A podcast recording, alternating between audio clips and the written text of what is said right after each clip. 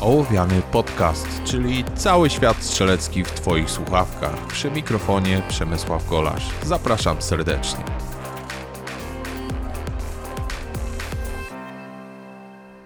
Cześć, witajcie w 16 już odcinku Ołowianego.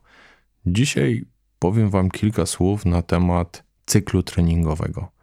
Jak wygląda taki roczny cykl treningowy? Tutaj typowo pod kątem startu w zawodach, ale oczywiście można go dostosować do własnych potrzeb. W większości wypadków zimą strzelectwo trochę zamiera, szczególnie na otwartych strzelnicach. Są oczywiście jakieś zawody organizowane na strzelnicach obiektowych, ale większość strzelców ten okres wykorzystuje na odpoczynek oraz na treningi bezstrzałowe.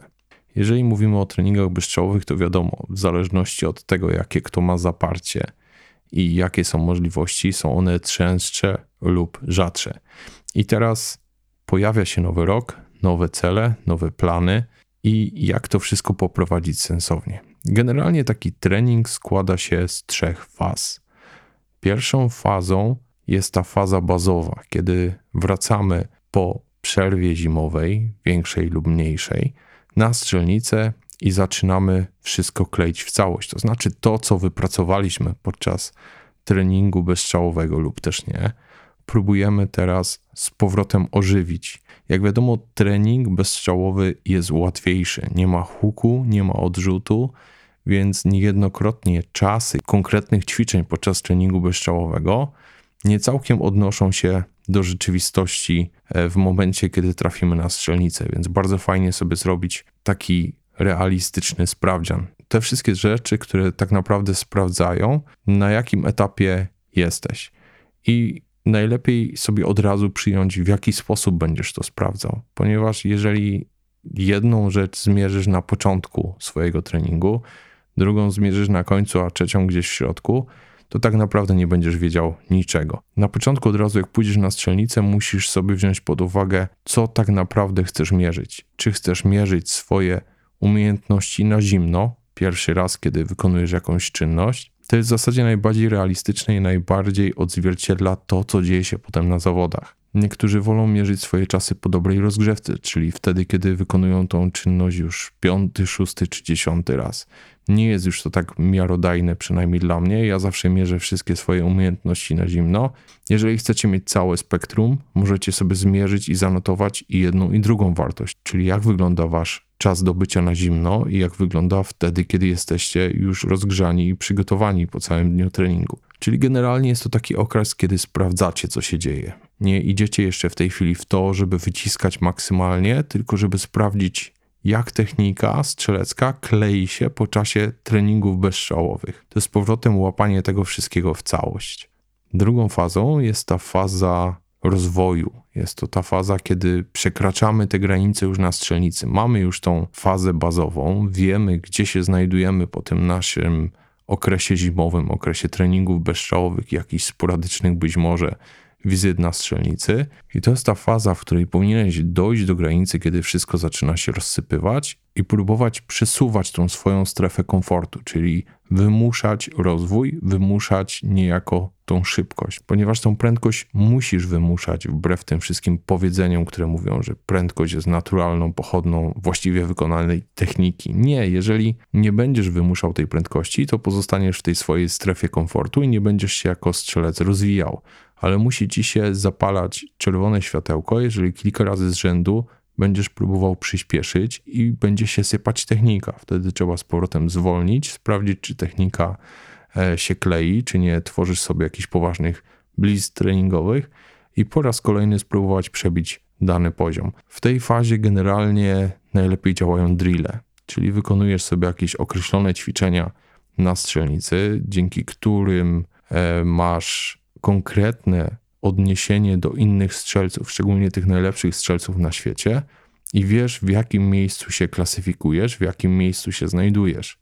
Bez względu na to, czy są to proste ćwiczenia stój i strzelaj, typu Bill Blake i tak dalej, czy są to ćwiczenia w ruchu, e, czy bardziej skomplikowane mini stage, classifiery, czyli te wszystkie stage, które też są określone, czy są to jakieś stage Steel Challenge'a, gdzie też wiesz, jak na przykład wyglądają Twoje czasy dobycia i przeniesienia w odniesieniu do najlepszych strzelców na świecie.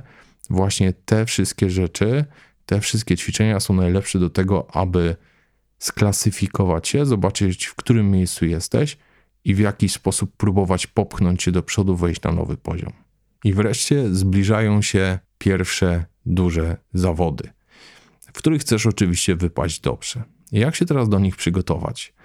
Większość osób, które znam, popełniają podstawowy błąd, a ten podstawowy błąd polega na tym, że kontynuują tą fazę drugą, czyli znowu próbują maksymalnie przed zawodami wycisnąć coś się da, idą na zawody i z takim nastawieniem, że idą na maksa, próbują strzelać zawody.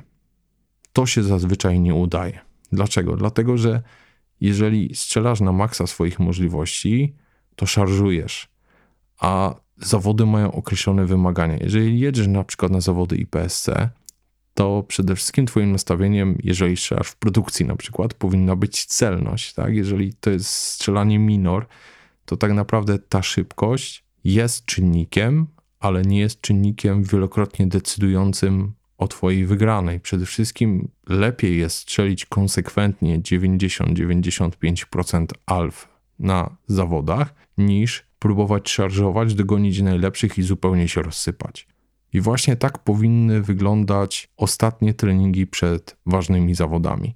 Jeżeli są to na przykład 3-4 treningi, tydzień, dwa tygodnie przed zawodami, to ten okres powinieneś poświęcić na to, aby znaleźć tempo takie, które zapewnia ci za każdym razem 90-95% alf, w zależności na jakim poziomie e, są Twoje umiejętności strzeleckie, w jakiej klasyfikacji się mieścisz.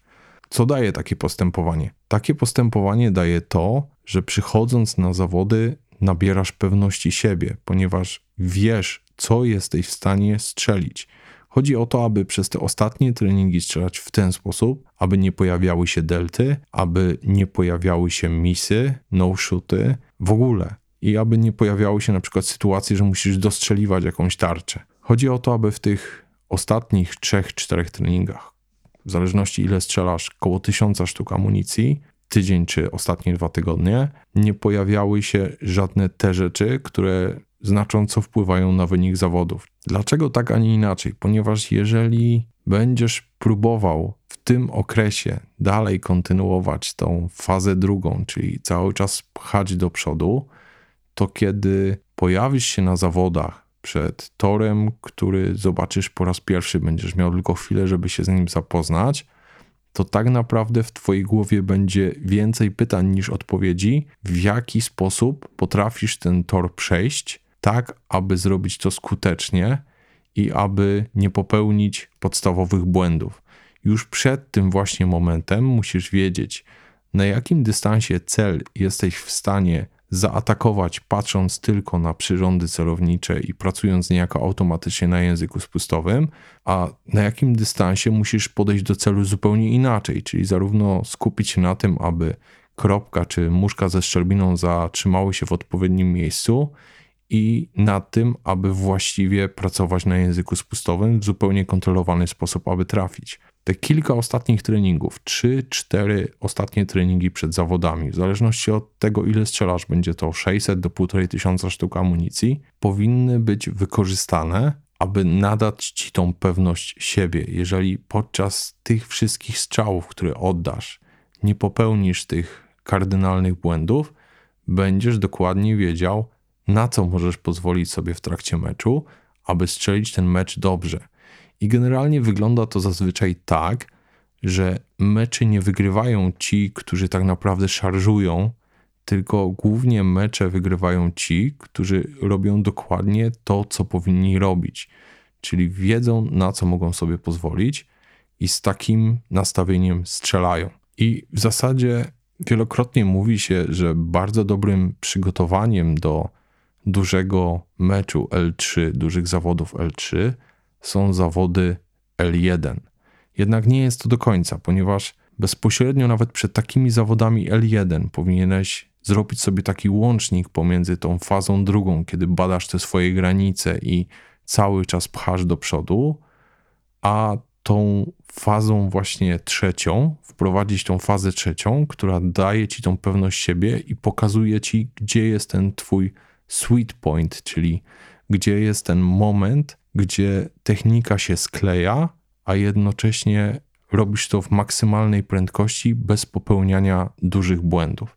Dzięki temu potem, bez względu na to, czy pojedziesz na L1 treningowo, czy pojawisz się na L3, na znacznie więcej możesz sobie pozwolić i znacznie pewniejszym jesteś zawodnikiem na torze. Jak będziecie jeździć na większe zawody, to zauważycie, że bardzo wiele osób popełnia poważne błędy właśnie w czasie zawodów. Jeżeli będziesz tym zawodnikiem, który strzela bardzo równo i konsekwentnie, nie popełniając żadnych poważnych błędów, niejednokrotnie będziesz właśnie na pudle z tego powodu, że może będą strzelcy, którzy są szybsi od ciebie, ale te błędy, te zepsute tory spowodują, że będą znacznie, znacznie niżej od ciebie. Oczywiście żaden z nas nie chciałby, aby następował ten proces roztrenowania po, po okresie zawodów, ale jest on nieunikniony i czasami jest on nawet dobry, z tego względu, że powiem Wam szczerze, osobiście nawet na swoim przykładzie sprawdziłem, że czasami dobrze jest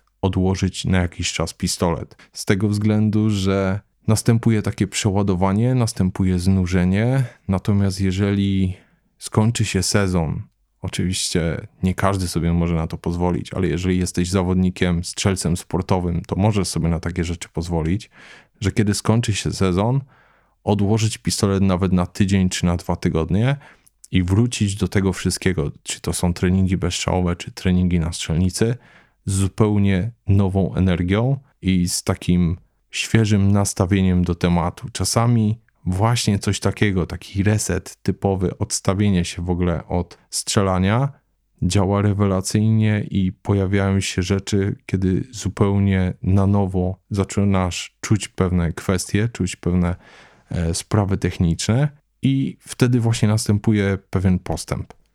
Mam nadzieję, że te informacje trochę Wam wyjaśniły, jak może wyglądać taki podstawowy cykl treningowy roczny, jeżeli chodzi o zawody strzelectwa dynamicznego. Jeżeli macie jakieś swoje uwagi, jak zwykle zapraszam Was e, do dyskusji na moim profilu na Facebooku. E, ruszył także adres mailowy kontaktmałpa.ołowiany.pl Oczywiście ołowiany bez polskich znaków, czyli olowiany. Jeżeli macie jakieś pomysły, macie jakieś pytania, mm, piszcie. Jeżeli będę miał możliwość, na pewno odpiszę. Dziękuję Wam bardzo za dzisiaj i do usłyszenia w kolejnym odcinku już za tydzień.